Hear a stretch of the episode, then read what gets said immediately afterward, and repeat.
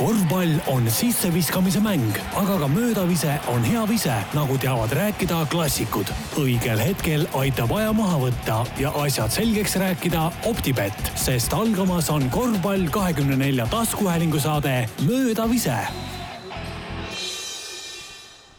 tere ja kaunist septembrikuu jätku ütleb Mantameia stuudiost kõigile spordisõpradele korvpalliteemaline taskuhäälingu saade Ameerika hääl. Karin Allu kõrval on saatejuhtidena taas koha sisse võtnud Siim Semiskar ja Marko Parkonen, tere ka teile ja ütelge, kas olete tänase saate lahtiviskeks valmis? oot, oot, oot, oot, Karl nüüd, meie Nii. saate nimi on Möödavise, et aga ma ilmselt aiman, miks sa siukse sissejuhatuse tegid tõepoolest, sissejuhatus polnud juhuslik, sest tänases saates võõrustame külalisena ei kedagi teist kui Eesti meistriliiga ajaloo ühe kuulsama viske autorit, Ameerikas sündinud ja üles kasvanud, kuid enam kui kümme aastat Eesti korvpallis sees olevat Howard Fryerit, tervist! tere! no esiteks testime kohe mälu. kas sul tuleb meelde see kuulus vise, kus sa üle välja tulid Tartu vastu ja kolmese joone peale siis jalaga astudes ja viske teele saates tabasid ja võiduviske tegid, millal see oli? Uh,. mis aasta see oli või? just uh,, alustame sealt. noh, et tegelikult see juhtus kaks korda, esimene kord oli, kui ma mängisin ehitustuuris, aga siis teine kord oli Gramoga. see oli kaks aastat järjest, eks ole? just, oli nii. ja, ja, ja mõlemad korrad jalgjoonel ja kaks ei jää ilma kolmandata, on Eestis vanasõna, ma ei tea, kuidas Ameerikas nende vanasõnadega on, aga kolmandat ei tulnud ikkagi? Jah, ei tulnud mida sa ise mäletad, äh, ütleme nendest mõlemast korrast siis, nendest visetest, äh, kuivõrd erilised hetked need sinu karjääris olid ja kuivõrd tähtsal kohal nad veel täna, viisteist aastat hiljem on? no ma mäletan, et äh, eriti kui oli Gramoga, et äh, see oli visi, mis äh, meie treener ei tahtnud, et ma võtsin. Aga ikka, et ma ususin ennast, endasse, siis ma võtsin enda peale, aga õnneks see, see läks äh, sisse treener oli siis tol hetkel veel Allan Torbek? ei, see, sel ajal oli Kuusma juba. see teine kood, jah. ja ega Aivar, Aivar ongi selline mees, mis ta pärast, pärast siis ütles, kiitis või, või laitis ikkagi maha? no jättis maha, noh sel ajal ta ei kiitnud nii palju, noh. aga kui tihti oli üldse niisugune, niisugune olukord, kui sa Kuusma all mängides võtsid neid viskeid, mis peatreenerile ei meeldinud no üsna tihti sa kujutad ette, noh.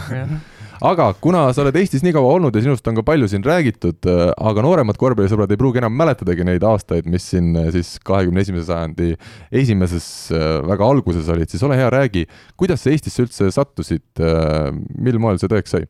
Uh, ma olin sel ajal, ma olin uh,, ma mängisin Austrias ja ma ei tea, mis juhtus, mul oli probleem selle voice-cone'iga ja siis uh, tuli vahetada. sa võtsid neid viskeid, mida treener tahtis? just, just, just, just, just, tal oli kope ees juba minuga ja siis uh, mul oli agent ja siis tal oli ka hea koostöö koos uh, Martin Van, Van, uh, Van Gentiga, jah. ja siis uh, Van Gent pakkus, et siin oli võimalus mängida. tegelikult mul oli veel üks võimalus Saksamaale ka aga nagu ma ütlesin, ma olin Austrias juba kaks-kolm aastat järjest ja siis ma ei tahtnud rohkem, noh, siis ta pakkus nagu kuskile mujale, siis kindlasti, et äh, ma võtsin hea meelega. palju sa sellel hetkel Eestist kui riigist teadsid? Mitte midagi, kui ma ütlen ausalt, et uh, mul oli üks mängukaaslane, kes oli Ungarist ja siis mul oli veel üks, kes oli Slovakkias ja siis ma lihtsalt sain aru, et, et Eestis on ka nagu Ida, Ida-Euroopa, noh, sellepärast ma tahtsin tulla. paljud on öelnud seda, välismaalased, et kes äh, nii-öelda enne seda tulemist on aru saanud, et see on Ida-Euroopa, järelikult kõik näeb välja nagu Venemaal, tulevad siia, näevad, et tegelikult on hoopis pigem Lääne-Euroopa kogu see väljanägemine, kuidas sinu need esimesed emotsioonid olid? see oli nii, täpselt nagu sa ütlesid, et ma ütlesin ka, et on samamoodi nagu Ungari või, või Slovakkia, aga tegelikult ma nägin kohe, et siin oli teistmoodi, et ma ütlen ausalt, et mõned asjad oli juba nagu Ameerika moodi minu jaoks, see oli üllatus minu jaoks. Äh, kas armastus Eesti vastu tekkis sul siis põhimõtteliselt kohe algusest või sa alguses ikkagi vaatasid, et siin on külm ja jahe ja ega need korvpallinad ka nii hästi päris ei mängi nagu kuskil võib-olla teistes riikides mõnes ja milline see esimene emotsioon oli? tead, ma olen noor mängija, siis äh, esimene emotsioon oli niimoodi, et kurat, siin on nii palju ilusaid naisi jah, ja sealt sellest piisas esialgu, ja jah. just sealt piisas, noh, et äh, ja muidugi, et siin on külm, aga siis noh, see ei, eriti ei häiri mind, sest kui ma olin ülikoolis, ma olin seal Colorado's, see on ka külm. aga mis häirib mind, on, et on nii pime. jah, meid häirib see ka, kusjuures usu mind. aga sa sattusid kohe hea treeneri käe alla ka. on sul mõni hea lugu võib-olla rääkida sellest uh, esimesest hooajast? ma siis täpsustan, et Allan Torbekust Allan Torbek oli jah, sellel hetkel. Ma ei tea, kas tohib siin uh, ropendada. ei no Allan oli, no Allan oli hea treener, no et äh, meil oli ka nagu hea, hea ühendus. et mulle meeldis, ta oli selline, et uh, kui sa teed midagi valesti trennis või tegid midagi valesti ja tal oli probleem, siis uh, see jääs nagu vaiukule, et ta ei võtnud koju, et mm. -hmm. pärast sa, sa said temaga rääkida ja normaalselt, kõik treenerid ei, ei saa niimoodi teha võrreldes Kuusmaaga, milline oli Torbek? et tegelikult, et Kuusma ka, et äh, ma arvan, et sel aastal oli Kuusma esimene aasta nagu peatreenerina, et nagu meid kõiki, et me peame ka õppima, et see käib natukene teistmoodi, et äh, kahjuks, et see oli minu, minu jaoks äh, tema esimene aasta, aga mul on näinud, et ta on palju paremaks nagu läinud treenerina kindlasti. Aga ma küsin seda, et sina tulid Eestisse niisuguses olukorras, kus äh, hästi suur rivaliteet oli Graamo ja Tartu vahel ja eestikatel olid äh, sinu nende lõpuvisete ajal olid saalid täis, Saku Suurhall oli täis, et äh, kui palju sa näed, et nüüd see nagu muutunud on või näed sa seda kuidagi? jah, et kindlasti, nagu sa ütlesid, et eriti kui me mängisime finaalis Tartu vastu, et oli kogu aeg täis, noh, et nüüd enam ei ole, aga noh, meil, meil just oli see Gramo Žalgiris mängu, et äh, ma näen, see, see nagu andis nagu meelde, kuidas oli, kui mina mängisin.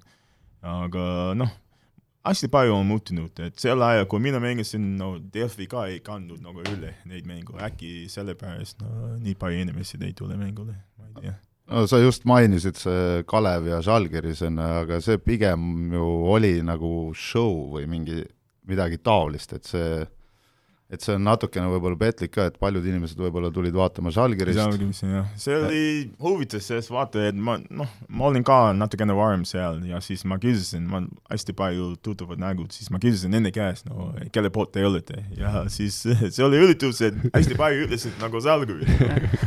aga see ongi nii, et sa vaatad, et siin Eestis praegu, eriti kui Žalgiris mängib nagu Euroliigas, neil on nii palju fännid siin Eestis, et äh, see on kindlasti nagu respekt nendele. palju sa ise Žalgirise mänge jälgid? palju sa ise Žalgirise mänge jälgid äh,? vaatad? Uh, no er, mind eriti mitte nii palju, sest uh, noh, ma töötasin naistega, siis kui ma töötan, mul oli niimoodi, kui ma töötan naistega, siis ma proovin niimoodi, et ma va- vaatan rohkem nagu naiste korvpalli, see on natukene teistmoodi mäng, noh. selge, ma arvan, et me jõuame Žalgirisest täna veel äh, rääkida pikemalt siin ähm, saate teises osas. aga mis mind veel äh, huvitab, see eesti keel ikkagi, meil ei ole Eestis väga palju ameeriklasi, kes on eesti keele selgeks õppinud. millal sinul esiteks äh, idee tekkis üldse, et hakata õppima seda eesti keelt? see on ka päris naljakas vist, et uh, kunagi ma olin abielus ja siis uh, tema ema, meil on ikka tänapäeval väga hea ühendus, et uh, ta oskab uh, prantsuse keelt, eesti keelt, vene keelt, aga inglise keelt ei oska. ja noh, tema pärast ma hakkasin nagu õppima. kui raske see oli? oli väga raske, et eriti ma olin luul- ameeriklane, noh, et aga miks sa prantsuse keelt ei õppinud? no ma proovisin, aga aga see ei sobinud mulle, noh kaua läks aega, et sa hakkasid eesti keelest aru saama? uh,. esimene trenn. Allan Torbekust oli aru saada. tegelikult ei- esimene trenn ma juba oskasin nagu numbrit nagu lugeda, noh. aga noh, see ei, võttis aega, et äh, nagu ma ütlesin, minu jaoks, mõnele inimestele on lihtne, aga minu jaoks er- eriti ei ole lihtne, et ma ikka õpin, noh.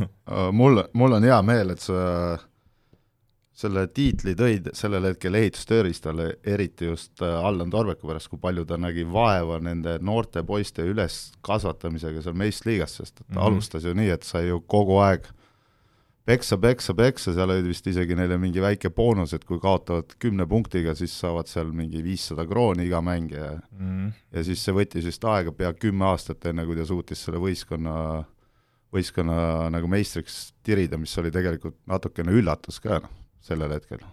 ma arvan, et isegi see oli suur üllatus, kui mina seda aega mäletan, et ja kui ma tulin, siis ma sain ka aru, et noh, meil oli nagu noormängijad ja, aga ma sain aru, et meie tasem oli enam-vähem nagu sama tasemel, et, et meie boonus oli see, et äh, treener karjus kogu aeg.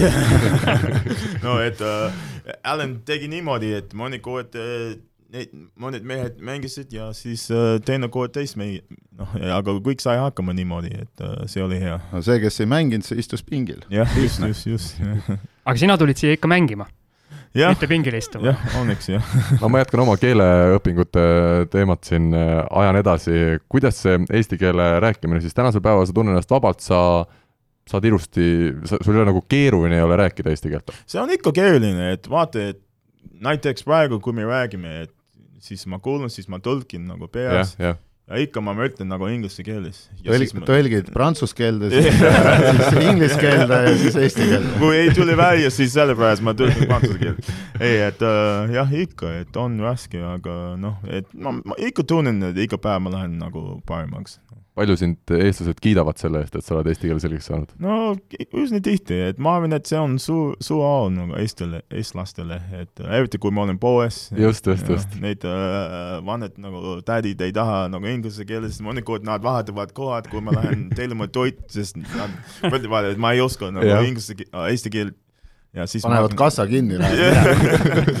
jah, aga jah, nad kiidavad hästi palju. palju sul mingeid veel naljakaid lugusid seoses sellega on, et arvatakse, et sa ei räägi eesti keelt, aga tegelikult äh, räägid ilusti, on sul mingeid selliseid erilisi juhtumeid ka olnud? noh, et äh, nagu ma ütlesin, et lihtsalt mõnikord see on ja jah. jah, see on üritus äh, nendele, et oskan noh, et äh, noh, mõnikord juhtub nii, et nad näevad välja, et okei okay,, ma olen nagu mustanahaline, et äh, see on ka üritus nendele, et äh, mustanahaline oskab eesti keelt no.. oled sa nalja ka vahel teinud, et hakkad alguses inglise keeles rääkima ja siis mingi hetk lähed üle sujuvalt eesti keele peale? tegelikult, et ma teen niimoodi, et äh, kui, kui ma lähen Ameerikasse tuttavaga, siis me kasutame nagu eesti keelt nagu selle nagu keel. siis kui noh, kui me tahame omavahel rääkida Just, ja just, hea. teised saavad aru, siis me räägime nagu eesti keeles, aga ükskord juhtus niimoodi, et me rääkisime eesti keeles ja Ja tulid eestlased. ja just, tuli, tuli eestlane. ta kuulas ja noh no,, siis hakkasime samamoodi mõtlevad kõik eestlased, et nad räägivad sinu kõrval eesti keeles, sina ei saa aru. ja just, just, just. kuidas see tütrega on, tema räägib nii eesti kui inglise keelt puhtalt? ta on jah, puhas äh, inglise keelt , puhas eesti keelt ja Timo oskab prantsuse keelt ka . Assaraks. Timo oskab , aga mina ei oska , noh . nii et see on järgmine selline suur eesmärk ikkagi elus . jah , just , just , nüüd ta hakkab no vene keelt ka õppima koolis , noh . kuidas sinul vene keelega on ? Немного ? ainult äh, babuška , daduška , mõned sõnad . rohkem ma ei oska . suht , suht lähedal . võib rääkida küll . võib rääkida küll . aga läheme sinna, kus sa tänasel päeval oled, sa oled Audentese spordigümnaasiumis mm -hmm. noormeeste treener. räägi sellest protsessist, kuivõrd äkitselt sa, sulle see kõne tuli ja, ja kuidas täpselt välja nägi? no et see läks hästi ruttu, kui ma ütlen ausalt, et äh, kõigepealt ma ammu tahtsin äh, selle vormelust teha. Ja siis äh, ma olin, ma olin sel ajal, ma olin Liibanonis, ma vahepeal ma käin Liibanoni, ma teen laagrit seal kohulikult äh, lastega. ja siis, kui ma olin seal, siis ma nägin uudises, et äh, no Visnapuu läks sinna see äh, spordidirektorina. ja siis ma nägin, et äh, vaba koht oli ja siis ma hakkasin kartma, et äkki ma olen liiga hilja, sest äkki Marko juba võtab nagu. aga siis ma hakkasin äh, helistama ja kirjutama ja siis äh, õnneks äh, tuli. ma teadsin, et sa olid Liibanonis, ma ei hakanud võtma. Viisakas mees. ühesõnaga, see on sinu jaoks, ma saan aru, ikkagi selline eesmärk, nagu sa ütled, on olnud varemgi, et sa tahaks neid poisse ühendada ja nüüd see võimalus lõpuks tekkis. just, just, just, et äh, see on minu jaoks, see on väga suur äh, välja, väljakutse ka, et äh, aga jah, mul on hea meel nüüd, et nüüd ma pean töötama, noh, et äh, see ongi nii. ennem ei pidanud? ei, ennem ei pidanud. mida sinult äh, nõutakse Audentse spordigümnaasiumis, me teame, et seal ikkagi on ju kogutud kokku, ütleme, suur osa, ma ei tea, kui suur osa see nüüd on, aga mingi osa Eesti parematest korvpalluritest, järelikult seal on ka mingid ootused, seal ei ole päris nii, et tee, mis sa tahad. mis sulle öeldi, kui sa sinna kooli nüüd äh, läksid, et äh, mida sult täpselt oodatakse või loodetakse? no et ma ütlen ausalt, et et nagu ma ütlesin, kõik läheb nagu nii juttu ja ma ikka õpin nagu, mis ma pean tegema ja nii edasi. õnneks äh, neid inimesi, kel-, kellega ma töötan, Rauno ja Eilo äh,, nad aitavad mind hästi palju, sest neil on kogemus, et äh, see ei ole esimene kord nende jaoks. aga jah, et äh, ma ütlen nii, et noh, Rauno on ikka nagu peatreener ja siis, kui ma olen ka harjunud olla nagu peatreener roll, aga nüüd, et ma olen nagu abitreener, siis ma, ma pean ka valmis olema, et, et ma toetan Rauno uh,, Rauno ja, ja nii edasi. et saan ma siis õigesti aru, et nüüd Rauno Pehka on nagu peatreener mm. -hmm. ja sina lähed talle nagu abi? Ja just, ühesõnaga, et uh, Rauno on nüüd Vesnapuu ja mina olen uh, Rauno. väga hea rollivahetus. aga ütleme, mida sa ise näed, et sa võiksid või peaksid andma sellele meeskonnale, mis on need sinu sellised äh, nägemused seoses korvpalliga, seoses noortekorvpalliga, mida sa tahaksid, et Eesti noored korvpallurid paremini teeksid või kuhu suunda liiguksid? noh, et äh, ikkagi see oskuse arenemine, et see on, meil on, noh, ma ju, mul on juba näinud, et kindlasti, et poisid on paremaks läinud, et äh, siin Eestis on paremaks läinud kindlasti. et meil on nüüd, et poisid, nad vaatavad neid Youtube'i videod, siis nad, nad harjutavad, nad on nõus nagu harjutada, nad, nad tahavad teha. aga ikka tuleb, meil on ikka rohkem nagu arendusruumi, arendusruumi. jah, aga noh, ma, ma alustan nagu sellega, et ma ja ma loodan ka, et äh, rohkem nagu enesekindlus, kui nad, nad mängivad ja nii edasi. Et siin hetkeks kuulajatele meelde tuletada, siis tegelikult meil on stuudios ju ka tüdrukute, Audentese tüdrukute osakonna siis peatreener. ja see ei ole mina, jah, see ei ole sina, jah. ma tahaks, ma tahaks Meetrit küsida seda, et kui suur roll ikkagi Audentese spordigümnaasiumil Eesti korvpallis on, et on ta nagu piisav, kas kõik head mängijad tulevad sinna kokku või on mingeid probleeme või alustame, Marko, äkki sinust? No probleem on, okei okay,, poisid ja tüdrukud on veits äh, selles mõttes erinevad, et mängijate hulk on väiksem. Ja aga põhimõtteliselt probleemid on ikkagi lõpp, ühed ja samad, et äh, kahjuks ei tule ka poistele kõik paremad sinna ja tüdrukutel on sama teema, no tüdrukutel on äh, võib-olla mingid muud põhjused, et nad seal kardavad ja ei suuda seda distsipliini ja nii edasi ja nii edasi, et noh, mina arvan, et see on nagu vale, sest et sa õpid iseseisvat elu, oma aega planeerima, puhkused, kõik asjad, on ju. oota, ma küsin vahele, palju meil täna poistest, ütleme nendest noortekoondislastest siis Audenteses on, mis see protsent umbes on ja tüdrukutel? no tüdrukutel on kõik koondis. et äh, aga poistel ma arvan, et kuskil ma tean, et ideaalis peaks olema kõik äh, Audentese õpilased, ma äh, poisid on, kõik peavad olema koondise kandidaadid. et kas nad koondisse mahuvad, see on juba peatreeneri enda otsus, aga ideaalis kõik, kes õpivad Audentes, peaksid olema noortekoondise kandidaadid. et see on nagu üks point, aga kahjuks on hetkel seis niisugune, et et äh, no poiste koha pealt nii palju, kui ma ise näen, et äh, kõrvalt ja kuna mu enda õpilasi on seal ka päris palju läbi käinud ja siiamaani seal, et äh, siis millegipärast teatud klubidest mängijad ei taha sinna tulla. et kas need klubid on läinud nii heale tasemele, et Audentesel kahjuks ei ole poiste osas pakkuda midagi paremat, ma arvan, et üks suur viga oli meistriliigast loobumine Mhm. et see oleks asi olnud, mis nagu meelitab neid poisse, kuna nad tahaks meistriliigas mängida. et praegu on nii, et äh, näiteks võtame siin suuremad klubid, kõik mängivad nagunii esiliigat, et miks ta nüüd peaks minema Audentesesse, kui ta võib oma klubi eest seda teha. et see on üks koht, mis tuleks nagu kuidagi ära klaarida, sest mina arvan, et Audentes peaks olema selline koht, kus on ainult noored, tuleb mõelda välja mingi süsteem, et nad saaks meistriliiga võistkondadega, kas või Eesti omadega mängida kord kuus või mis iganes. no proovida ära seda taset, et need tulemused ei pea kuhugi kirja minema ega midagi, aga lihtsalt, et mäng toimub, on äh, kõik kohtunikud, pealtvaatajad, aga mingit tabelisse ei panda seda. et nad näeksid, kui palju jääb seal puudu, noh. Kui nad kogu aeg on omavahel, siis nad reaalselt ei saa aru, mis see tase on. ainult need noored ikkagi, et vaata, siin on räägitud seda, et võiks üks-kaks kogenevat meest juurde võtta, siis oleks nad ka konkurentsivõimelised, see kohe see nagu idee oleks jumet rohkem, aga sina ikkagi leiad, et kui nad mängiksid ikkagi, võiksid olla ainult öö, omakeskis või? Äh, No üks point on selles, minu arvates on nii, et sealt peavad välja kasvama isiksused, kes hakkavad otsustama. Noh, põhimõtteliselt nad peavad tegema ära oma kaasvõitlejale kõigepealt, on ju, kaasvõistlejale, üks-ühesena, näiteks me Howardiga mängime, on ju, vaevalt mina või Howard tahaks kaotada. ja see peab olema nagu iga päev, iga trenn kogu aeg, ehk kõik asi käib lõpuks ka võidu peale. seda ei pea rõhutama nii palju, aga persoonid peaksid olema sellised, kes tahavad võita.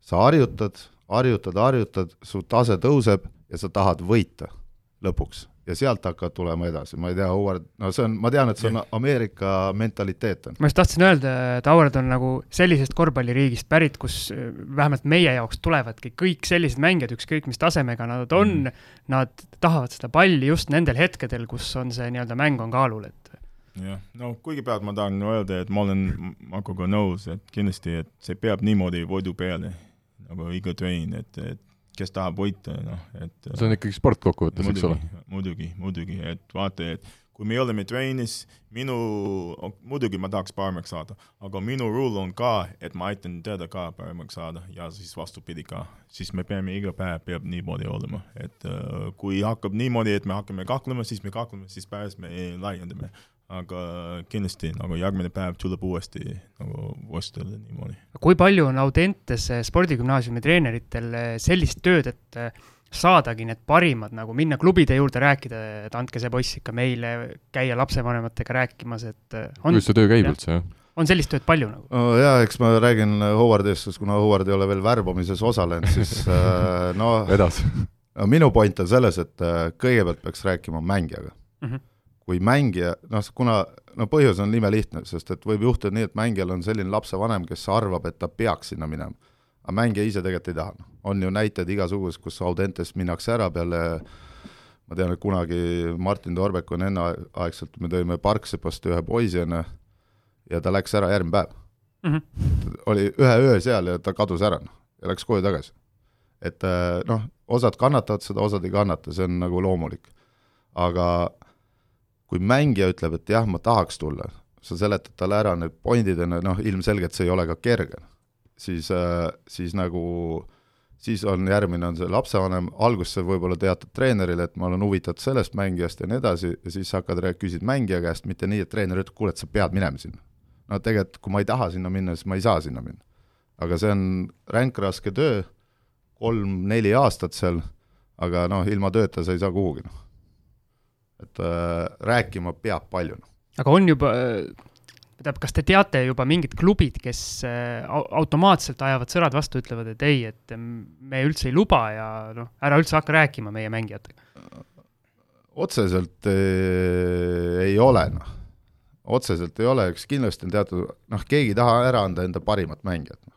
see on nagu loomulik, sest et äh, igaüks tahab seda kinni hoida, no mina võin öelda niimoodi, et mul on läinud äh, põhimõtteliselt kõik liidermängijad on, olen saatnud Audentesse mm. -hmm. et, et nagu eeskuju näidanud nii-öelda? et äh, no mitte eeskuju, aga lihtsalt põhimõte äh, on selles, et nad saavad rohkem treenida mm -hmm. ja nad on läinud, enamus on läinud üheksandasse klassi.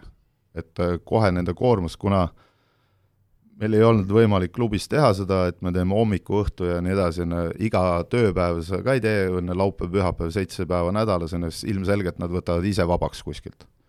ja siis nad läksid sinna üheksandasse klassi näiteks Trell ja Jaakson ja kui nad tulid, noh, nad osalesid üks treening äh, minu juures ka ja mängisid siis Estikaid, siis nende füüsilise ja kiiruse tase oli selgelt tõusnud umbes poole aastaga.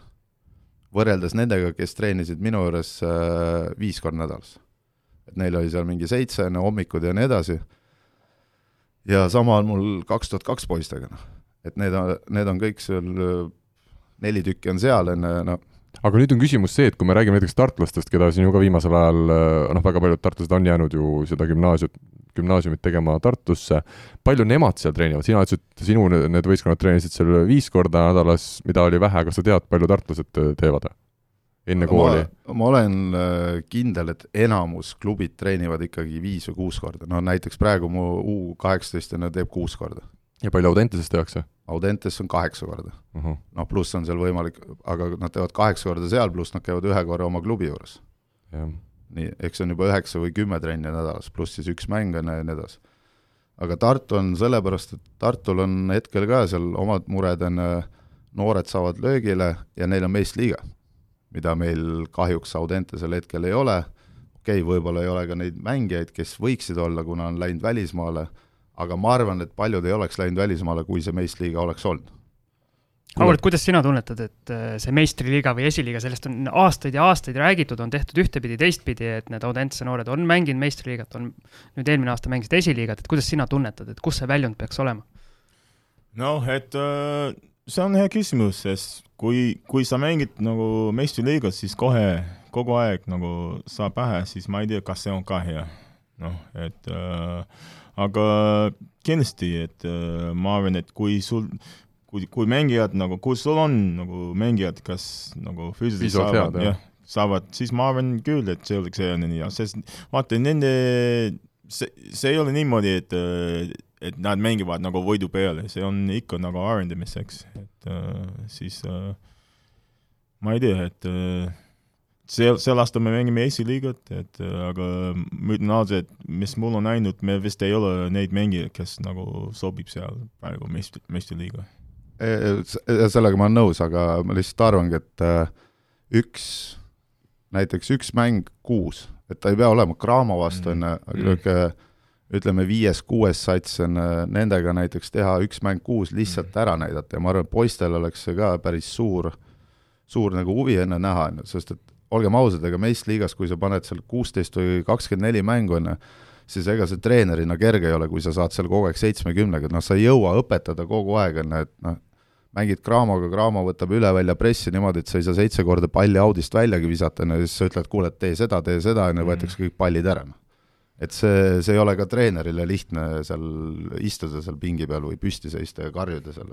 kuulge, aga ma küsin äh, vahele, meil siin esimene teema peaks juba vaikselt kokku tõmbama otsi, sest äh, meil on palju teemasid veel ees ootamas, aga lühidalt, äh, palju meil on täna Audentese spordigümnaasiumis neid noori poisse, kellel on silm särab ja kes tahavad trenni teha oluliselt veel rohkemgi, kui on neid treeningkordi kirjas, et kes on sellised, kes ütleme, tahaksidki veel viskama jääda ja viskamas käiagi trenni välistel aegadel ka? Oled sa, Howard, juba jõudnud neid poisse nii palju tundma õppida selle nädalaga? no esimene nädal meil on teinud ainult neid katseid, et vara veel öelda, jah? jah, aga ikka, et meil on, noh, nad es-, noh, esimene nädal on lihtne, et kui muidugi sa jääd, noh, et aga kui see läheb edasi, siis ikka me peame vaatama, kes ikka jääb, noh. kõige raskem aeg on äh, november, siis kui on pime. jaanuari lõpp, veebruar, kus on kaks korda umbes hooaja jooksul tekib nendel mängijatel motivatsiooni igas kriis, enamus. kuna on väsinud, pime ja, ja nii edasi ja nii edasi. sellega tuleb ka leppida, et iga, keegi, ükski mängija ei suuda panna terve hooaeg on ju, esimene september kuni kolmkümmend üks mai niimoodi, et oled kogu aeg tippvormis ja ühtegi korda mingit motivatsioonikriisi ei ole ja nii edasi, et see käib asja juurde, aga mis seal ikka teha, noh. ja teine asi, mis ma tahtsin küsida, mina, Howard, sa ei ole ilmselt märganud, pärast esmaspäeval pärast teie trenni tulevad harrastajad võrkpallurid sinna Audentse saali. ja vot mina olen üks nendest ja, ja ma nägin, et äh, sul on seal ikkagi mingid kaamerad on täitsa püsti, et sa filmid üles, mis poisid teevad. jah, et äh, noh, et mõni kord ma tahaks filmida, sest uh, selle programmi ma saan kohe näidata. mis nad tegid valesti ja kuidas tuleks teha. ja nii edasi, jah, sellepärast. et see on mingi natukene uus selline suund see on siis. jah, just, just, just. ja paned pärast Youtube'i üles jah, paneme Youtube'i üles, aga kõike ei saa vaadata väga hea, tõmbame esimesele otsale joone alla. esimene otsale esimesele otsale, esimene ots joonejooksust on tehtud, läheme järgmise juurde küsimusmängu toetaja on teamshield.com oma disainiga spordi ja vaba aja riided. aga vahele siis küsimusmäng ja eelmisel nädalal meie esimeses saates küsisime, kes on see Gert Kullamäe tuntud koolivend, kellega ta on koos nii mänginud kui ka keda ta on peatreenerina juhendanud. Howard, kas sa tead seda? kes see mängija võib olla? Ja see on siis äh, jah, koolivend oli just see märksõna. Tallinna Saksa Gümnaasium Mustamäe mändide vahel, tore kool, olen isegi seal kaksteist aastat veetnud. on Gert Kullamäega mänginud koos ja Gert Kullamäe on olnud ka tema treener. pikk mees. pikk mees, et ma pakun siis äh, Müürsepp äh, ei ole Müürsepp, Müürsepp käis ju Arte gümnaasiumis, mis on Tallinna Saksa gümnaasiumist umbes viiesaja meetri kaugusel. et väga mööda sa ei pannud? jah, et äh, asukoha osas üsna õige, aga õige vastus tegelikult oli Janar Talts ja Siim, ma tean, sul on andmeid nüüd, kes siin ja kuidas on vastanud. mul on jah kokku võetud meie vastused, ütleme nii, et pakuti kokku kolm erinevat versiooni äh, ja õigeid vastuseid, ehk siis Janar Talts pakkus äh, üheksa inimest. mida veel pakuti, mind huvitab see? pakuti veel Gregor Arbetit ja Valmo Kriisat. no Valmot võib igal pool Just, pakkuda, see on niisugune legend. kui täpselt ei tea, siis äh, Valmo üsna hea valik on Valmo Kriisa pakkuda mingite, mingile vastusele. tervitame siin Valmo Kriisat. just, aga ma siis palun, Howard, et ütle üks number ühest üheksani. Päris palju õigeid vastuseid. See on tänase päeva raskem küsimus, mulle tundub. Howardile. noh, et äh, teeme kaheksa. kaheksa, number kaheksa on Ülle Õun, saab siis, mis ta saab, Karl? no Siim, ma olen kuulnud, et meil on ikkagi eridisainiga täitsa selline teamshield.com'i kaudu eridisainiga korvpalli kahekümne nelja särk tulemas just. ja tema on see esimene võitja. just, et me võtame siis Üllega ühendust, anname teada, kuidas auhinna kätte saab ja äh, minul on hea meel see, et üheksast üks oli Õrnemasoo esindaja ja Howard suutis selle ühe siis üles leida. palju õnne ka! palju õnne muidugi! aga meil on uue nädala küsimus välja mõeldud ja see on siis seotud Howard endaga ja küsime sellist väga lihtsat asja korvpallisõprade käest. kui Howard oli Eestis veel mängijana, siis kus Eesti paigas käis ta enim laagrites? Väga lihtne küsimus, kõik õiged ja ka valed vastused saab saata aadressil info et korvpall kakskümmend neli punkt ee või siis korvpall kahekümne nelja Facebooki lehe sõnumitesse. ma arvan, et selleks korraks on meil küsimusmängu teema lõpetatud või Siim veel ütleb veel? ja ma tahan sulle seda, Karl, öelda, et äh, Ülle saatis oma õige vastuse suht vahetult enne meie uue saate salvestust, ehk siis kunagi ei ole halb aeg vastata küsimusele. aga nüüd siis küll ikkagi eelmise nädala seda Kullamäe küsimust ei ole mõtet enam saata, mulle tundub siin. jah, seda küll. Lähme järgmise juurde ja lähme ka järgmise teema juurde.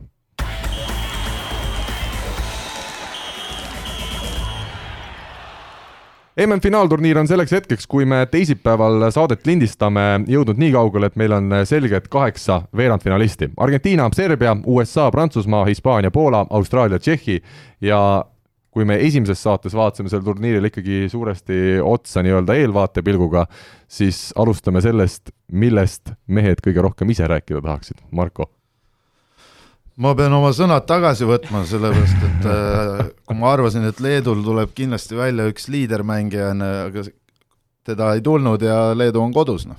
et äh, see, ma pidin selle ära lihtsalt ütlema. ja sealt võikski alustada, ütleme see Dainius Adomaitise mängujärgne pressikonverents äh, oli päris emotsionaalne ja, ja sellest, sellel võiks peatuda, ma saan aru, Marko, sul on kohe oma, oma sõnumid siin teele saata. kindlasti on kuna ma seda mängu ei näinud laivina, käisin kui äh, spordipsühholoogi koolitusel. räägime siis Prantsusmaa mängust praegu või Austraalia omast tahad enne rääkida? ei, see, kus see Adomaitis võttis sõna, see oli pärast Prantsusmaad siis? jah ja. ja, ja aga minu õnnetuseks oli see, et ma kogemata sain seisu teada, siis ma ei viitsinud seda kohe õhtul järgi vaadata. ja ma vaatasin järgmine päev hommikul, enne siis, kui mängud peale hakkasid, hommikul vaatasin kell kaheksa, ärkasin, vaatasin selle Leedu mängu ära, sest et nii palju oli teemat selle kohtunike teemal, ju.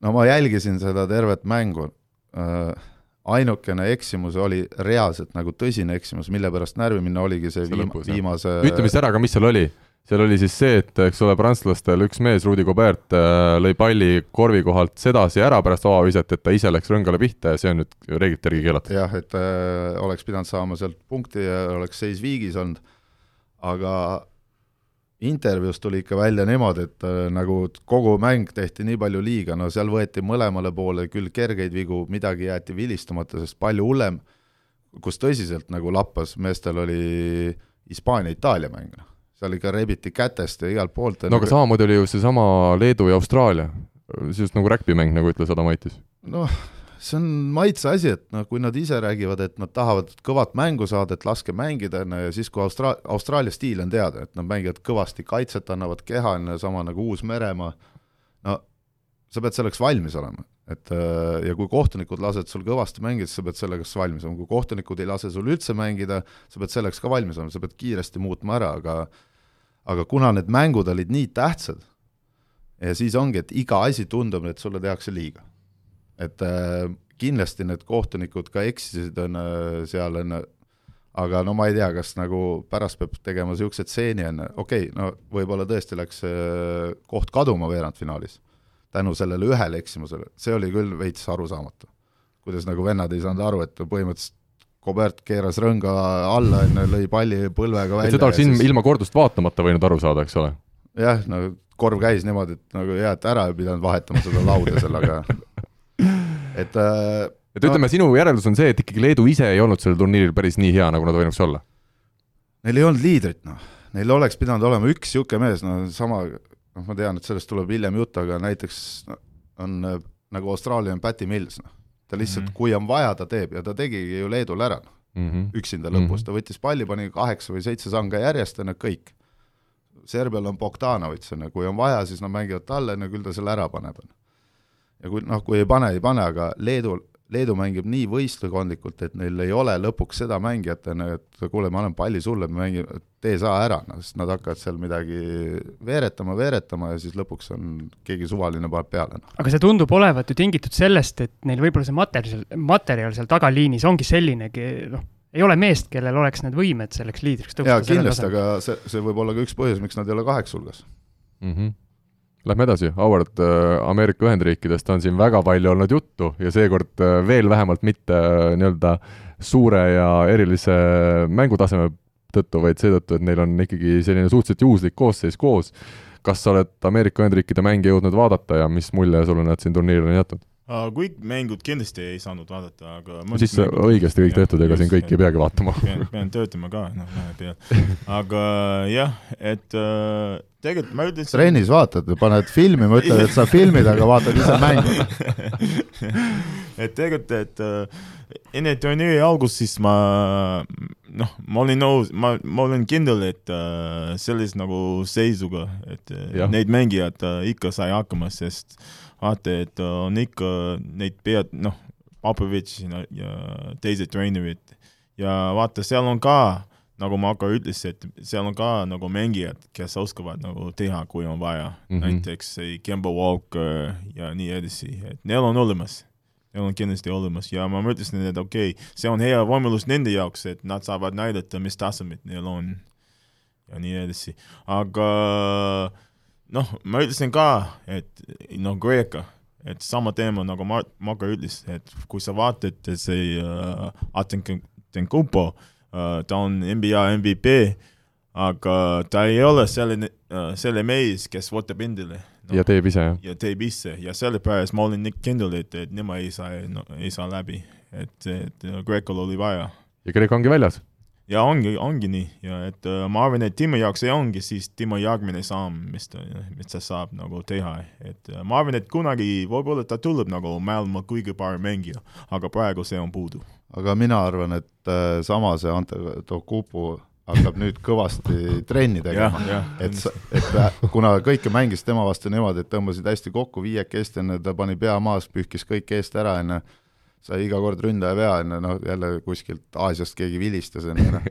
no selle vile kohta on ainuke asi, mis mind väga häirib, on see, et äh, minu meelest no see teleka vaatamine, seda on nagu Läheb iga igale, mäng eks? kogu aeg, no joh ei tii, noh. et igat asja on vaja vaadata. ja siis neid otsustavaid hetki jah, ja siis on niimoodi, et on äh, mängud otsustatakse ära valede otsustega ja siis ei vaata keegi, noh. okei okay,, seal ei- olukord, et ei saa mängu kinni pidada ja mingi selline värk, aga ühesõnaga, probleemid jäävad, olgu Jah. see videokordus või mitte, kohtunike temaatika jääb vist alatiseks üles. mulle meeldib kreeklaste puhul ka see, et nemad suutsid, suutsid ka mingi skandaali üles, üles kerida ja ütlesid, et äh, on mingid mehed nagu see Antetokounmpo, kellele justkui ei tohikski vigu vilistada, et äh, see on äh, NBA stiilis ju, et selle NBA-s on teatud mängijad, kellele antakse ja. väga kergelt, kuna neid on vaja hoida, sest need, nemad on need superstaarid, enne keda hoiavad rahaliselt üleval seda liigat. rahvas tuleb vaatama, on ju, just, jah, ongi. Howard, rahvas tuleb vaatama, on ju, ja siis vend on ülikonnas, on vaba päev. räägime üllatajatest ka, praegu siis Poola ja Tšehhi, no tegelikult ütleme, ega see veerandfinaali pääs äh, Poola puhul vähemalt vaadates ka, kes seal neil vastased olid, ega see nüüd nii suur üllatus ju kokkuvõttes vist ei olnudki, Marko. no mina poleks raha pannud selle peale, et nad sinna jõuavad no seda küll jah, aga ütleme, seal ei olnud ka nii kõvasid vastaseid nagu seal mingid ikkagi poleks pannud. no ma saan aru, sul raha üldse ei pole ole raha. tal pole raha, me saime siit seda aru. aga Tšehhi pääs on küll ikkagi üks selline meeldiv, meeldiv tõesti edulugu või? ilma Jan Veselita. noh, et äh, kindlasti, aga noh, ma vaatan natukene teistmoodi, et nii, et kõik äh, võistkonnad äh,, neil on lubatud üks äh, nagu halb mäng ja minu meelest äh, Tšehhi ei olnud veel, siis nüüd ma kardan, et see mäng tuleb, tuleb jah. Austraalia vastu. jaa, et see aga võib, just tšehhidel, ma nüüd segan vahele, sorry, just tšehhidel on see üks, üks liider, et see Satoranski on küll tagaliinis võtnud nagu, ta on nii-öelda NBA mees, seal niisugune keskmik, aga koondises võtab selle liidri rolli küll nagu nii-öelda silmade särades endale. Satoranski, teate, kus kohas sai tiivad tuulde? Vesseliga koos või? nii, kohe saame teada. TTÜ-s oli U kuusteist EM ja siin nad hullasid kahekesti nad võitsid turniiri ära ka, nii et kuidas sa siis oma silma peale ei pannud kuidagi mingit ma nägin kohe, et ta on hea, ma nägin kohe, et hea vend aga kus nad siis ära läksid? on. koos selle tiitliga. üks asi, mida siin veel võiks seoses selle Poola ja Tšehhiga rääkida, on minu arust see äh, nii-öelda ühe välismängija kodustamine. siin ka Delfi korvpallistuudio viimases osas seda arutati, aga, aga minu arust ikkagi Eesti puhul küll seda, see ei ole hetkel teema, sest äh, selleks, et seda ühte võtta, peaks meil olema ümber vähemalt neli tugeval Euroopa tasemel korvpallurit, täna Eestis ei ole meil nii tugevaid korvpallureid ja meil minu arust on täielikult puudub igasugune mõte võtta koondisesse välismaalt keegi. meil on tegelikult ju hea küsida siin saatekülalise käest, kui palju on sinu juurde kunagi, kui sa mängisid, pöördutud selle küsimusega, et kuule, et me anname sulle Eesti koondis või Eesti kodakondsuse ja tule Eesti koondisse mängima. uh,. noh, et minu, min-, mulle ei, kindlasti ei pakkunud et, et öö- öeldi, et kasva pikaks ja siis tule Eesti koondisse. ei pakutud sulle sellist ei, asja? ei, ma ei olnud nii hea mängija. okei, aga kuidas te selle teema peale laiemalt me jõuame mõtlete? jälle sinna tagasi, et nagu ta võttis neid viskeid, mida treenerid ei taha. aga see teema ise, milliseid muljeid teid tekit-, teis tekitab see? Äh, Tšehhi puhul on kindel, et äh, see on neile kasulik mängija. Et ta- viskab ära, on ju, me kõik teame, et kaks tuhat viisteist kõrvetas ta meid ka siin on ju Riias. poolakate nagu, no ma ei ole sellest Looteri nagu pointist veel siiamaani aru saanud, et kas ta siis on nagu nii hea vend või ei ole, noh. et noh, paneb ja kõik on tore, aga noh, niisugune kahtlane vend, et äh, Eestil, Eesti on ju, korvpall on meie mäng, püsime leedukate ja serblastega seal, et me ei võta, noh. Proovime omadega hakkama saada. aga äkki peaks mingi eraldi liiga tegema nendele koondistele, kes ei võta ja Jaa. nendele, kes võtavad. siis mängime Leeduga seal, jah, Leedu ja Serbia ja Eesti ja kolmekesi siis. saame alati medali. võib-olla tõesti, jah. aga kui me räägime siin juba ka nüüd siis sellest, kes tänasel päeval pärast neid äh, ütleme poolt turniiri või veidi enamatki võiksid olla peamised kulla pretendendid, kas te olete nõus? Serbia, Hispaania, USA. Ma olen kohe algusest peale ütelnud, et Austraalia on väga kõva ja kulla pretendent lausa, jah? no kindlasti, sest et äh, nende tiim ja see, kuidas nad mängivad, kui rahulikult nad mängivad, kõik teised paistavad silma millega, et kui tuleb jälle keegi Aafrikast vilemees on ju, esimest korda saanud Fiba särgi selga on ju, paneb mingi täiesti suvalise vile on ju, siis kõikidel on käed laiali. nii sellel võistkonnal, kes kasu said ja need, kes kasu ei saanud. Ja kogu aeg, no mis nagu rikubki natukene ära, et kõik laiutavad käsi, noh. Ja kui sa vaatad austraallasi äh,, näiteks eile oli ka hea näide Prantsusmaaga, et panid mängu lõpus kolm minti enne lõppu, liidermängija teeb pallikaotuse, pannakse lay-up, on ju, kõik pall välja, kõik on rahulikud, keegi ei lehvitanud seal omavahel, keegi ei küsinud viga, on ju, eriti kui see Milsilt võeti pall ära põrgatuse pealt, on ju, oleks võinud ka, ma arvan, et äh, pooled vennad teistest suurriikidest oleks seal laiutanud, viga ebasportlik on ju, treenerid oleks nagu see Bobby Knight sealt toole visanud väljakule ja nii edasi, noh et äh, nende tiim võistkonnana on väga hea, noh. ja mulle tundub, et nad veel kannatavad mängida ka, sest nad mängivad suht lühikese pingiga, noh. Hispaania ja Austraalia on siis sinu ennustus ilmselt poolfinaali, nii nagu väga paljude teistegi, jah? ja kindlasti. ja teine poolfinaal on siis kas Serbia, USA või? Kõik on nõus? Mm, kahtlen küll, jah. USA vastu ma ei panusta kunagi. et ükskõik, mis võistkond neil on, aga nende vastu ma ei panustaks kunagi. no et äh, ma arvan ka, et tuleb huvitav mäng ast- äh,, see Argentiina vastu, et neil Jah. on see vana vend, kes ikka, ikka oskab nagu mängida, see äh, Luis Jah. Koola siis. Skola, jah, just, et äh, aga tagasi, et mulle meeldib, kuidas Austraalia mängib ka, sest vaata, et kui sa vaatad Vodika, siis no okei okay,, Paddy Mills on nagu playmaker, aga tegelikult kui nad mängivad, siis Joe Ingles, kes mängib nagu noh, kolmes positsioon, ta on tegelikult nende playmaker ja siis see töötab väga hästi nende jaoks, väga hästi. ja Aaron Paints on nüüd shooter.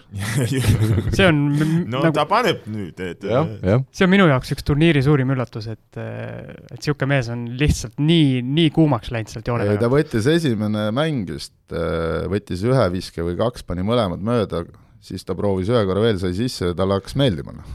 ja ongi kõik, et nüüd ta enam, nüüd panebki väljast. ja lõpetuseks teeme kiiresti siis äh, ennustused ka, mina ütlen, et äh, maailmameistriks tuleb Hispaania.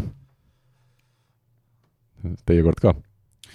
noh, see oleks küll huvitav, kui Marcasol tuleb äh, maailmameister ja NBA meister, noh, et aga ma ikka usun, et USA võtab ära.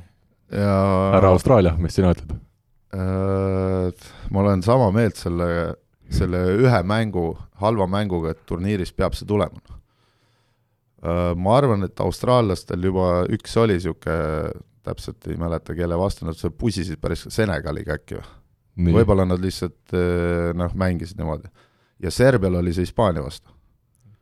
ja Serbia on nagu kõva. Aga kuna nad on USA poole peal, siis ma ei saa nagu neile panna, siis ma arvan, et äh, USA on üks, aga ma pigem panen, et äh, ma panen Austraalia. nii, ja sulle jääb nüüd siis äh, üle, sa võid näiteks Poola või Tšehhi pakkuda, Siim. no ma seekord veel Poolat ei paku. ma korra Tšehhi mõtlesin, okei okay,, see oli nali, aga mängu huvides või mängu ilu huvides ma siis pakun selle Serbia. Et eh, Bogdanovitš võtab ja veab selle koondise. lõpuks ongi Poola-Tšehhi finaalis. ühesõnaga, meil on neli erinevat ja arvamust, ma siis saan aru, ja siis mõlemad teevad selle halva mängu finaali. ja mõlemad jäävad kullata. aga tõmbame MM-i rubriigile joone alla ja läheme järgmise rubriigi juurde.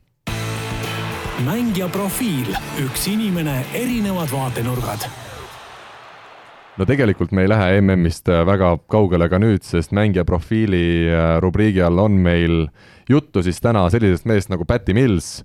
on ta siis visanud keskmiselt Austraalia koondise kasuks kakskümmend kaks punkti mängus ja kui jätta nüüd jutumärkides korealane Kuna Ra, õige nimega siis Ricardo Ratcliffe ja uusmeremaalane Corey Webster sellest nimekirjast välja, siis ta ongi senise turniiri kõige resultatiivsem mängija olnud, aga enne veel, kui me hakkame Patty Millsist rääkima, siis küsin, mis seob Patty Millsi Martin Müürsepaga? Ma panen äh, puusalt praegu, et äkki on Sydney Kingsis koos mänginud. no Sydney Kings on ka tore meeskond, või aga see jah, Austraalias koos mänginud. Melbourne Tigers ja, ja Melbourne Tigers. Müürsepp kaks tuhat seitse ja Mills kaks tuhat üksteist, et kui sa oled ikkagi maailmatasemel korvpallur, siis see ilmselt peab olema sul nimekirjas. lihtsalt Erik Torbek andis mulle Sydney Kingsi soojendus või selle treeningvormis, sellepärast nüüd need on mu lemmikvõistkond. nüüd on Marko jaoks üks võistkond Austraalias, see on Sydney Kings. aga räägime siis äh, Patty Millsist paar sõna, kolmekümne ühe aastane Canberras sündinud mängumees, sada kaheksakümmend kolm sentimeetrit pikkust, aga sel turniiril tõesti säranud ja säranud sisuliselt igas mängus. Marko, sinu pikkune umbes või? lühem,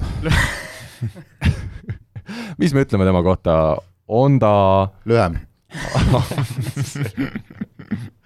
kas tema on nüüd selline mees, kes võibki Austraaliale selle turniiri ära, ära otsustada ükskõik kelle vastu? ma olen kindel, sest et isegi turniiri eel sõprusmängus USA vastu otsustas tema selle mängu ära, nii et äh, ikkagi tal on olemas, tal on olemas kõik, mis äh,, mis peaks ühel heal korvpalluril olema, aga kõige, no mis mulle kõige rohkem, miks ma naudin tema mängu, noh, teine mees on äh, näiteks Bogdanovitš Serbiast. et äh, ta kehakeel on selline, et nagu ma tean, kui osav ma olen, ma tean, mida ma oskan ja ma lihtsalt mängin ta ei tegele, isegi kui ta siin saab laksu otsa ette, enne ta ei vaidle midagi, ta läheb, onju, lüüakse nina kõveraks supp välja, enne ta mängib edasi. Ta tegeleb oma asjadega ja see, see teebki temast väga hea mängija, kes nagu otseselt nagu mulle meeldib, noh, ja ja ta otsustab ära ka, kui on vajadust. ja ma olen nõus, et ikkagi noh, ma vaatan kõike, et kuidas no peale see USA mängu ma vaatasin, kuidas ta tegi intervjuu, et äh, täiesti nagu calm ja noh, et äh, see on, ta on selline mees, aga ma arvan, et äh, tema kasuks oli niimoodi, et noh, muidugi, et Popovitš, aga see oli hea ka, et ta mängis koos äh, Tony Parkeriga ja ma arvan, et ta, ta õppis nagu hästi palju nagu tema käest. aga kas Patty Mills on sellise tasemega mees, et näiteks kui ta oleks ameeriklane, oleks ta samamoodi seal USA MM-koondises, et no et äh, see on hea küsimus. Popovitš on treener, siis oleks., okei okay,, kui Pabelis, Pabelis on treener, no vaata, meil on praegu, meil on praegu see Derek White, kes on, ta on ka nagu noh, aga see on hea küsimus, et äh, ma ei tea, kas ta jõuab nagu Ameerikasse võistkonna, kui ta oli ameeriklane, ma ei tea. no San Antonio Spursis minu arust ta on kaks viimast hooaega põhiturniiril kõik kaheksakümmend kaks mängu mänginud, seejuures viimasel hooajal terve hooaja peale põhiturniir pluss play-off ta alustas ainult ühe kohtumise algkoosseisus, aga on siis niivõrd tähtis vahetusmees ka San Antonio meeskonna jaoks, et keskmiselt kümme punkti mängus ja ja oma roll on tal nagu sada protsenti seal leitud. no see alustamine ongi üks asi, et äh, okei okay,, USA-s vist on see äh, nagu kõik tahavad olla starting five, aga nagu Euroopa kossus on see, et nagu spetsiaalselt jäetaksegi mingid vennad, et kes toovad mängu muudatustena, kui sa jätad pabistajad enne kuuendaks-seitsmendaks enne ja ütleme, liidril ei tule välja, paned pabistaja sisse, no vaevalt seal midagi muutub, noh. aga kui sa paned, lükkad pabistaja kohe algust sisse, ega sa kolme minutiga mängu ei kaota, noh, suure tõenäosusega ja siis ongi, et äh, neli, kolm-neli-viis minti ta saab oma minutid kätte ja siis võtad selle, kes suudab veel juhtida ja rahustada ja ja vastastel on umbes toss väljas ja siis see vend seal korraldab, noh. ma olen kuulnudki niisugust ütlust, et ei ole tähtis, kes mängu alustab, on tähtis, kes mängu lõpetab. on nii? nii on jah, eriti kui on miinus nelikümmend. aga ma arvan, et Päti Milsist me saime pildi ette, läheme järgmise teema juurde. aeg on välja selgitada nädala tegija nädala tegija rubriik, Siim, sa oled nüüd mitu pikka päeva mõõtnud neid tulemusi ja vaadanud, kes on parem ja kes halvem, oled teinud oma korrektuurid kindlasti selles Facebooki hääletuses, räägi, mis sa oled nüüd siis välja selgitanud? jah, põhimõtteliselt nii-öelda süvariik tegi oma töö ja õige vastus, õige vastus, kui saab õige vastus olla nädala tegija rubriigis, siis õige vastus seekord on Gerg Riisa. oota, aga enne räägi, kes olid kolmas ja teine, see on minu arust eriti huvitav vabandust,. kas ma nüüd alustan Ei. kas ma lõikan välja või? ei lõika, ei lõika, see on hea osa. Ühesõnaga kolmandaks sai kolm korda kolm U kaheksateist EM-koondis, kes siis sai minu arvutuste kohaselt kuusteist häält. oi jumal küll, ma vaatasin seda mängu. okei, lähme edasi. nii, siis eh, teisele kohale tõusis eh, suure üllatusena meie uus poolmaratoni staar Rain Veidemann. mis see aeg oli, ütle mulle. ma ei tea. see, see kodutöö jäi ma saan aru, tegemata et. see aeg ei olnud see määrav äh, asi, miks inimesed Rainu, Raini Jah. valisid, ühesõnaga, ma olin tal finišis vastas ja ta oli väga adekvaatne. Sellepärast valiti või? ei, aa, ma ei olnud lilledega vastas oli adekvaatne, kui lõpetas, suutis rääkida ja andis seal kohe isegi eh, vist Anu Sääritsale intervjuu, kui ma ei eksi. jälle, jälle omaette põhjus, miks valida parimaks. ja siis nädala tegijaks saja kaheksakümne kaheksa häälega siis Gerg Riisa, kes mängis BC Kalev Cramo vastu Kaunase Salgirise põhimeeskonna eest sõprusmängu ja oli seal, ütleme nii, et eh, üsna nähtavas rollis lõpuks. no hakkame sellest Kriisast siis pihta, ma arvan, me jõuame siin muust ka rääkida, Gerg Riisa kakskümmend minutit äh, ja kokkuvõttes siis kümme punkti, kolmesed kolmest kaks, kahesed kolmest kaks. esimene poolaeg minu arust näitas seda, et Gerri jaoks on selgelt veel vara sellisel, sellises äh, ütleme sellisel tasemel mängida, et ta jäi ikkagi nii kaitses kui rünnakul nõrgaks. samas teine poolaeg näiteks, näitas jälle väga hästi ära, miks ta üldse seal Žalgirise meeskonnas on, miks ta Euroli, Euroliiga noorteturniiril siin tänavusel aastal on parimaks mängijaks valitud, et temas ikkagi midagi sees on vist. no sa pead ka arvestama, et see ei ole lihtne, kui sa tuled tagasi koju, majunda, see ei ole lihtne asi, et äh, aga noh, nagu sa ütlesid, et äh, tegelikult ta tegi hea mängu, et äh, see oli huvitav, sest järgmine päev meil tuli küsimus no, Rauno käest meie poistele, et äh, kas te käisite mängu vaatamas ja noh, mis te arvate mis te arvate mängus? Ja siis paar poisid kohe ütles, et jah, käisime mäng, mängu vaatamas ja oli igav. jah, see ei olnud ainus, ainsad, kes seda asja arvasid vist. aga siis äh, noh, minu esimene nagu reaktsioon oli niimoodi, et okei okay,, ma saan aru, et kui sinu is-, isa või ema ütleb, et mäng oli igav. aga sa pead leidma sealt, eks ole, noore mängijana midagi, mis sinule midagi sa oled annab. õpilane praegu, sa pead õppima, et mine vaatama ja siis hea näide oli, kuidas Chris äh, mängis kaitses, et ta võttis üli välja, siis ta pani selle mängija kogu aeg pöörama, pöörama, pöörama, see on väga hea, see on väga hea ja minu jaoks ta näitas, et ta kuulub seal äh, nendega. et mul on hea meel, et äh, see oli suur nagu pluss eestlastele, et Chris äh, tuli ja tegi, tegi selle, selline mängu nii, Marko, Marko siin, on tükk aega hoogu võtnud. mina, mina vaatasin ka seda mängu. aga räägime algust Gerist ära. jaa, ma räägingi sellist, et äh, vaatasin ka seda mängu ja pean tunnistama, et ka mina olen üks nendest, kes ütleb, et see mäng oli igav. kuigi ma vaatan ka igast asju ja ma panin tähele, sest et Kerril ju tekkis, tekkis selline niisugune neli minti, kus ta need korvid kõik pani. jah. ja ta sattus seal vist peale esimest kolmest päris hoogu enne, ta võttis ka päris niisuguse viske enne, mida ei olnud vaja võtta ja mis tegelikult toimus Saarase tegevuses, on siis oli niisugune, et kui see oleks olnud näiteks Leedus see mäng, siis Kerr ei oleks enam edasi mänginud.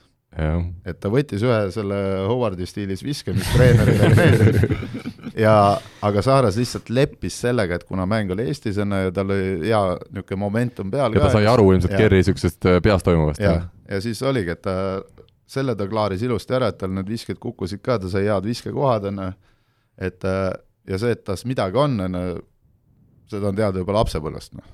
siis, kui ta oli väike poiss no, kohe, et tas on natukene teistsugust, teistsugust mängujuhtimist, kuna ma olen oma võistkonnaga vist mänginud kogu aeg tema vastu, et kui ta oli Audentes, ta läks Tartusse ja siis sellest ajast peale, enne me oleme nagu iga aasta võistelnud nagu omavahel, noh. ja ta on kogu aeg, mulle isiklikult mängijana on ta mulle meeldinud. no natukene on niisugust äh, asja ka, mida võib-olla iga treener ei seedi, aga mulle isiklikult on väga meeldinud. Mul ei ole kahjuks õnnestunud temaga ühtegi trenni või ühtegi mängu teha nii, et ma oleks saanud ise teda juhendada. ja see hetk vist, millest sa rääkisid, kus ta need kõik punktid pani ja selle ühega nii-öelda rumala viske võttis, et seal lõpus vist oli niisugune väike huumor ka, et ta küsis seal lõpuks vahetust pingi pealt ja siis Jassikevitsus ja treenerite pink ütles, et mängi edasi, et sul ei ole mingit vahetust. jaa, Jassikevitsus laias ka asi, et kuule, come on, et sa praegu oled roos, et aga tegelikult ja väga lihtne asi jälle, meie saate nimi on küll Möödavise, aga, aga korvpall on sisseviskamise mäng ja kui sa kuuest neli, eks ole, siin Saku Suurhallis ka publiku ees, ilmselt närv oli natukene sees, viskad, siis see jälle näitab seda, et, et sul korvpallis see vise lihtsalt peab olema ja, ja erinevalt kalevlastest, kes seal seda lauda rohkem noolisid, siis, siis Keril on see vise olemas. mõnikord võib olla sellest närvist on niimoodi, et mina, mulle meeldib tavaliselt öelda, et eriti kui niisugused noormängijad lükatakse kuhugi suure rahva ees mängu, ju, ja siis neil õnnestuvad nagu kõik asjad üldse, mis saab olla. kõik pallid kukuvad korvi ja nii edasi, siis ma tavaliselt nimetan seda, et niimoodi, et sul oli tegelikult black out enne, sa ei tea üldse, mis toimus, aga automaatselt nagu, ja kõik nagu juhtub ja kõik tuleb hästi välja ja nii edasi, et no Kerri puhul see vaevalt nii hull oli, aga aga jah, tal oligi see, ta, ta üritas, ta pingutas nii palju, kui ta sai enne ja siis tal tekkiski see niisugune neli minutit, kus tal kukkusid kõik visked sisse ka, on ju, noh, ega nad ise ei kukkunud, sama see U kaheksateist enne see kolm kolmes enne seal visati pallid õhku ja loodeti, et kukuvad. aga Kerr ikkagi üritab visata ja ta pani ära need ja noh. Olete te nõus, et nüüd ikkagi, et meeste tasemel ka, noh, tõesti, me räägime ju mitte enam suvalisest äh, Valgast või, või Pärnu meeskonnast, vaid ikkagi Žalgirise meeskonnast, et niisugusel tasemel juba saada ka tõistusmängudes väljakule, selleks, tal nüüd füüsis Äh, noh, see on loomulik äh, osa, et, et seda tuleb nüüd ilmselt äh, juurde panna kõige rohkem, see on see põhiküsimus või? no kui ma vaatasin väljaku peal olevaid mängijaid mõlemas võistkonnas, siis ega kehaliselt ju näiteks Žalgirise tagamängija, vist oli Perez või mis ta nimi on, ju ei erine Kerrist. ta võib isegi peenem olla kui Kern. aga tal on lihtsalt kiirus, tehniline pagas on parem, ta teeb asju kiiremini ja nii edasi. ega Graamo tagamees oli ju sama, ega ta ei olnud ju räige härg, on ju, niisugune Brasiilia Garcia, on ju, kes tuleb saali, siis on ju kõik ehmatavad ära. et, äh, et tal lihtsalt jääb puudu arvatavasti sellisest, ongi kiirus äh,, mängu lugemist teatud olukordades, et mitte nii lihtsalt vahele jääda, noh tavaliselt ju mehed hakkavad kohe ära kasutama vastaste kõiki nõrku, noh. et äh, kavalus, mängu lugemine, füüsis veits peale, kiirus ja küll saab, noh. no aga räägime sellest äh, mängust äh, või Howard, sinu käest ka küsime Kerri, Kerri kohta paar sõna, millise mulje üleüldiselt tema sulle nüüd siis jätnud? Et ma arvan, et, et kõik tuleb, et ma arvan, et kõik tuleb, et äh, lihtsalt ma arvan, et tal on nagu õigel teel, et äh, siis tuleb, minu, minu meelest näitab, et see, see oli õige vastus, et ta on seal nendega, et äh, aga ma arvan, et ta jõuab. Loodame nii, aga sellest mängust endast, no see mäng läks käest ikkagi suhteliselt kiiresti Kalev Cramo jaoks pärast äh, sellist toredat algust. Ja, ja lõppnumbrid siis seitsekümmend üks, üheksakümmend viis ja no ega siit nüüd väga palju head küll, olgem ausad, Eesti esiklubi osas välja tuua ei oska, nagu me siin ka mainisime, et see mäng oli iseenesest suhteliselt igav, klassivahe oli ikkagi väga tuntav ja, ja no meie meeskonnal ei, ei õnnestunud ka suurt midagi, samas nagu me oleme siin ka varem tõdenud, Kalev Cramo tundub, et on tänavusel aastal ikkagi komplekteeritud selgelt äh, väiksema, väiksemate võimalustega kui eelmisel hooajal. Ja ütleme siis, et see, see mängupilt peegeldas natukene seda komplekteeritavust, et ei meie oma mehed ega ka välismängijad ei, ei jätnud mingit väga, väga suurt ja head muljet. no et äh, peame ka arvestama, et, et meil on uus, Kamol on uus peatreener, uus süsteem ka. et äh, aga Zalgiris neil on sama süsteem, sama peatreener, et äkki see ka nagu mõjus mängul.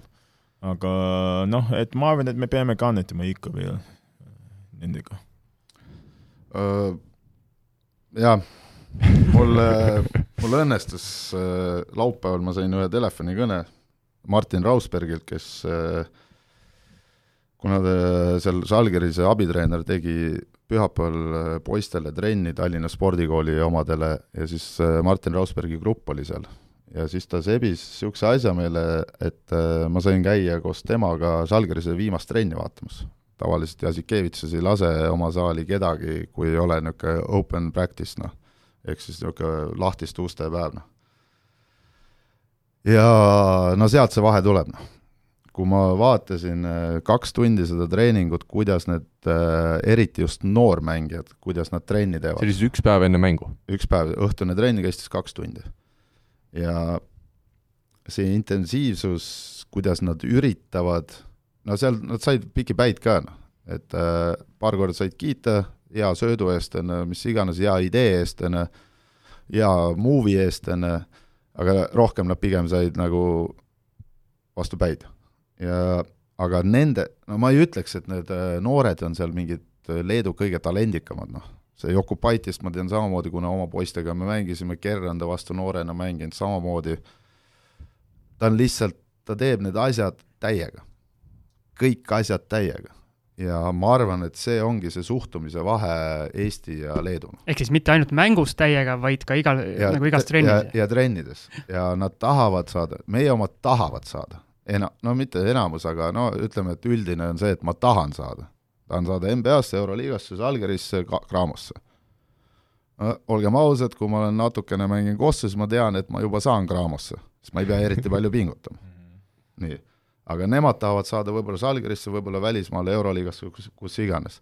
ja nad näevad nii kõvasti vaeva ja see treening äh, näitas kohe ära selle suhtumise vahe ja siis ma pärast peale trenni ütlesin ka Rausbergile, et homme need äh, noored arutavad selle Graamo suht lahti oma liikumistega ja nendega, sest et need asjad käisid nagu niimoodi, et äh, jah, kõik kiiruste pealt on ja nii edasi ja nii edasi, aga see on üks asi, miks äh, näiteks Gerg Riisa, kui on ta Žalgirises äh, no minu suur pettumus oli selles mängus oli see, keda ma prognoosin siin äh, kaks või kolm saadet järjest, et võiks tulla Graamo liider, ju. ma ei hakka nimesi mainima, ju.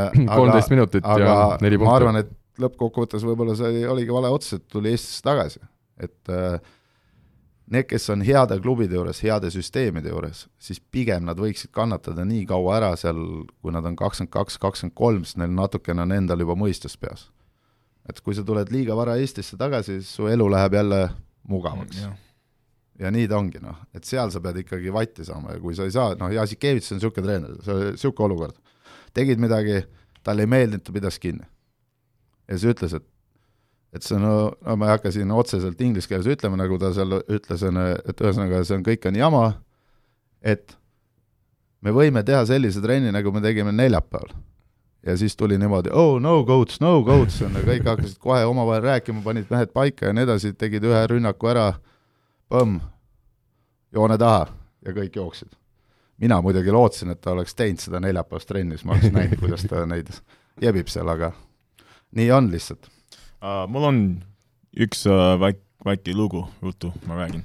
et kui ma olin noorem, siis uh, kui ma lõpetasin see high school, noh siis oli aeg minna ülikooli, siis uh, okei okay,, mul oli paar võimalusi, aga siis tuli välja, mul oli kaks võimalusi jää, sest uh, kui ma olin noor, ma mängisin Joe Smithiga, ta oli kunagi esimene nagu valik NBA-s uh,. ja siis ka ma mängisin Iversoniga, me olime samas võistkonnaga. aga siis mul oli hea ühendus Joe Smithiga ja siis tema pärast äh, minu kaks äh, valikuid oli Colorado ja Maryland okei okay., ja siis, aga ma ütlesin Mar-, Marylandile, et okei okay,, ma lähen sinna Coloradosse ja siis ma vaatan, kuidas asi on seal, sest nad tahavad, et ma ruttu nagu otsustan, kuhu ma tahan tulla.